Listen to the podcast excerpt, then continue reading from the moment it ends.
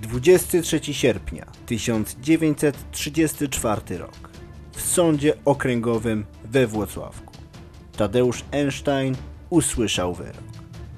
Mężczyzna został skazany na 15 lat więzienia i utratę praw obywatelskich.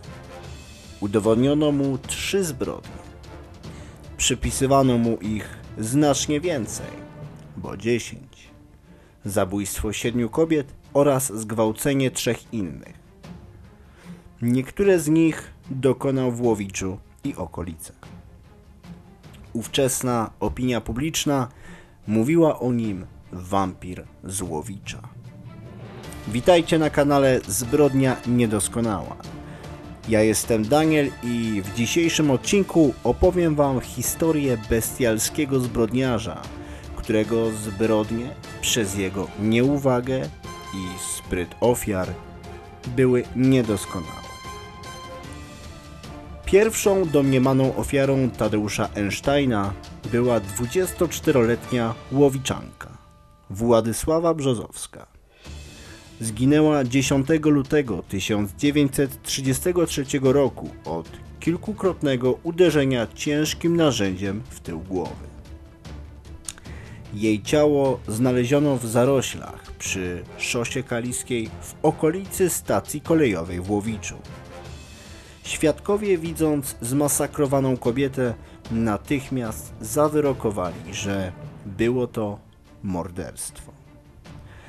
Pozycja zwłok, odzież i zerwana z ofiary bielizna wskazywały jednoznacznie na mord na tle seksualnym. Donosiła jedna z ówczesnych gazet.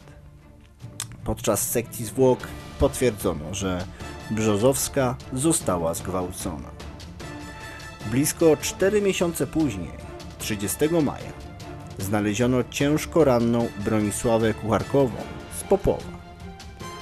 Niestety kobieta zmarła po przywiezieniu do szpitala. 25-letnia kobieta zginęła w ten sam sposób co Brzozowska. Uderzona ciężkim przedmiotem w tył głowy. Następnie zgwałcona. Wtedy jeszcze tych dwóch przestępstw nie łączono. Między zbrodniami w Łowiczu i Popowie nastąpiła kilkumiesięczna przerwa. Na następny atak wampir z Łowicza zdecydował się szybciej, bo już po miesiącu. Do kolejnego doszło 1 lipca w okolicach miejscowości Niedźwiady. Tego dnia pierwszymi ofiarami padły 12-letnia Aniela Okruchówna i 13-latka Natalia Podraszówna. Nastolatkom udało się wyrwać z rąk przestępcy. Widząc nadjeżdżającą woźnicę, wyrwały się Einsteinowi, wskoczyły do wozu i odjechały. Ten jednak nie dał za wygraną i szukał kolejnej ofiary. W niedalekiej okolicy spotkał samotnie wędrującą 18-letnią Aleksandrę Perzynę. Młoda kobieta dostała 7 ciosów tępym narzędziem w tył głowy. Einstein zaciągnął nieprzytomną Aleksandrę w łany zboża i tam zgwałcił. Myśląc, że kobieta nie przeżyła, uciekł.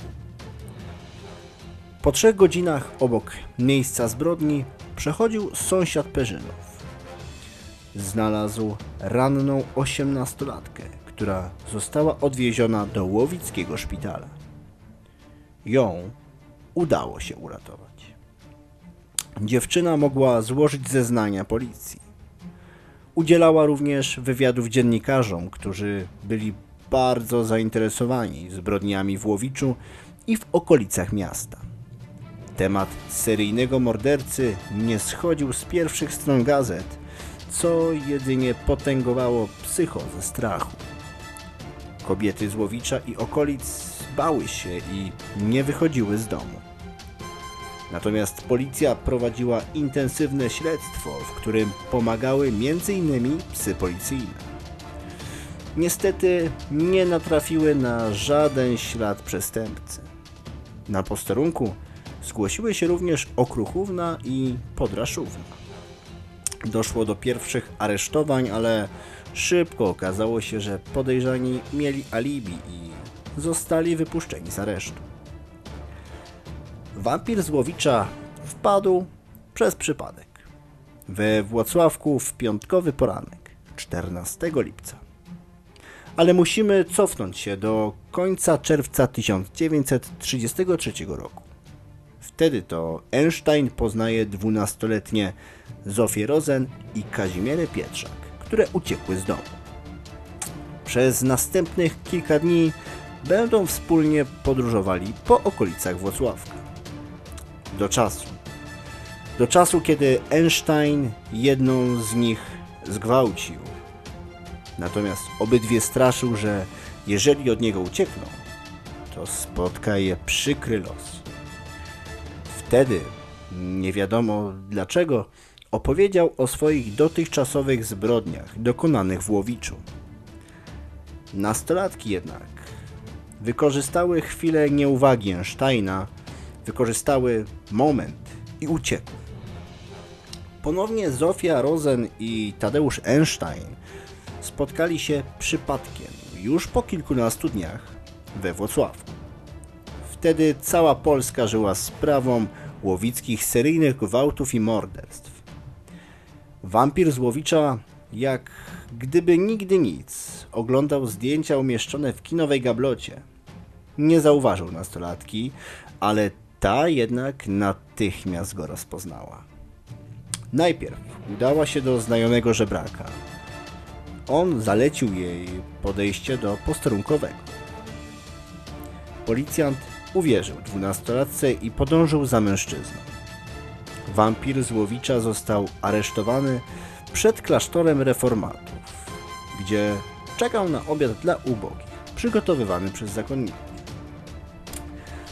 Tadeusz Einstein został rozpoznany także przez jedną ze swoich ofiar, wcześniej wspominaną przeze mnie Aleksandrę Perzynównę.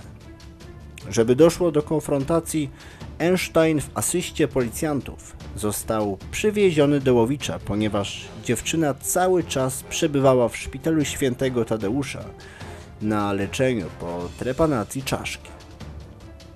Gdyby nie funkcjonariusze, doszłoby do samosądu na zbrodniarzu. Tłum łowiczan, który przyszedł na dworzec kolejowy, sam chciał wymierzyć karę. Zbrodniarza rozpoznały również nastolatki napadnięte na początku lipca we wsi Niedźwiady. Proces sądowy prowadzony był we Włocławku. Podczas rozpraw wyszło na światło dzienne wiele faktów e, z życia Einsteina oraz motyw jego zbrodni. Podobno dopiero niedawno i przypadkiem dowiedział się, kim naprawdę był jego ojciec. Powiedziano mu, że gdy w 1913 roku przez Płock przechodził oddział rosyjskiego wojska, jeden z pijanych żołnierzy zgwałcił jego matkę. On zaś był owocem tej napaści. Chłopak utrzymywał, że dopiero pod wpływem tej informacji w jego umyśle zrodził się pokrętny pomysł, by pójść w ślady nieznanego ojca i naśladując jego czyny, wziąć rewanż za to, co spotkało jego własną matkę. Dlatego postanowił gwałcić przypadkowo napotkane niewinne kobiety, a zabijał już tylko w tym celu, by nie zdradziły jego tożsamości. Czego jeszcze dowiedziano się o Tadeuszu Einsteinie podczas śledztwa i procesu? Matka porzuciła go po urodzeniu i umieściła w łódzkim sierocińcu, z którego uciekł. Przez pewien czas podróżował pociągiem po Polsce. Kilka razy został złapany za jazdę bez biletu. Próbował się utrzymywać ze sprzedaży książeczek do śpiewu, ale nie przynosiło mu to wystarczającego zysku, dlatego kradł. Zeznał, że przyjechał do Łowicza, ponieważ znalazł tutaj pracę gońca. W mieście też odezwał się w nim morderczy instynkt.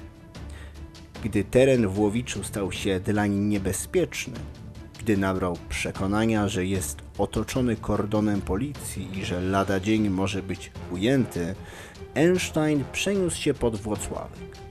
Relacjonował zeznania Ekspres Ilustrowany z 23 lipca 1934 roku. Tym samym artykule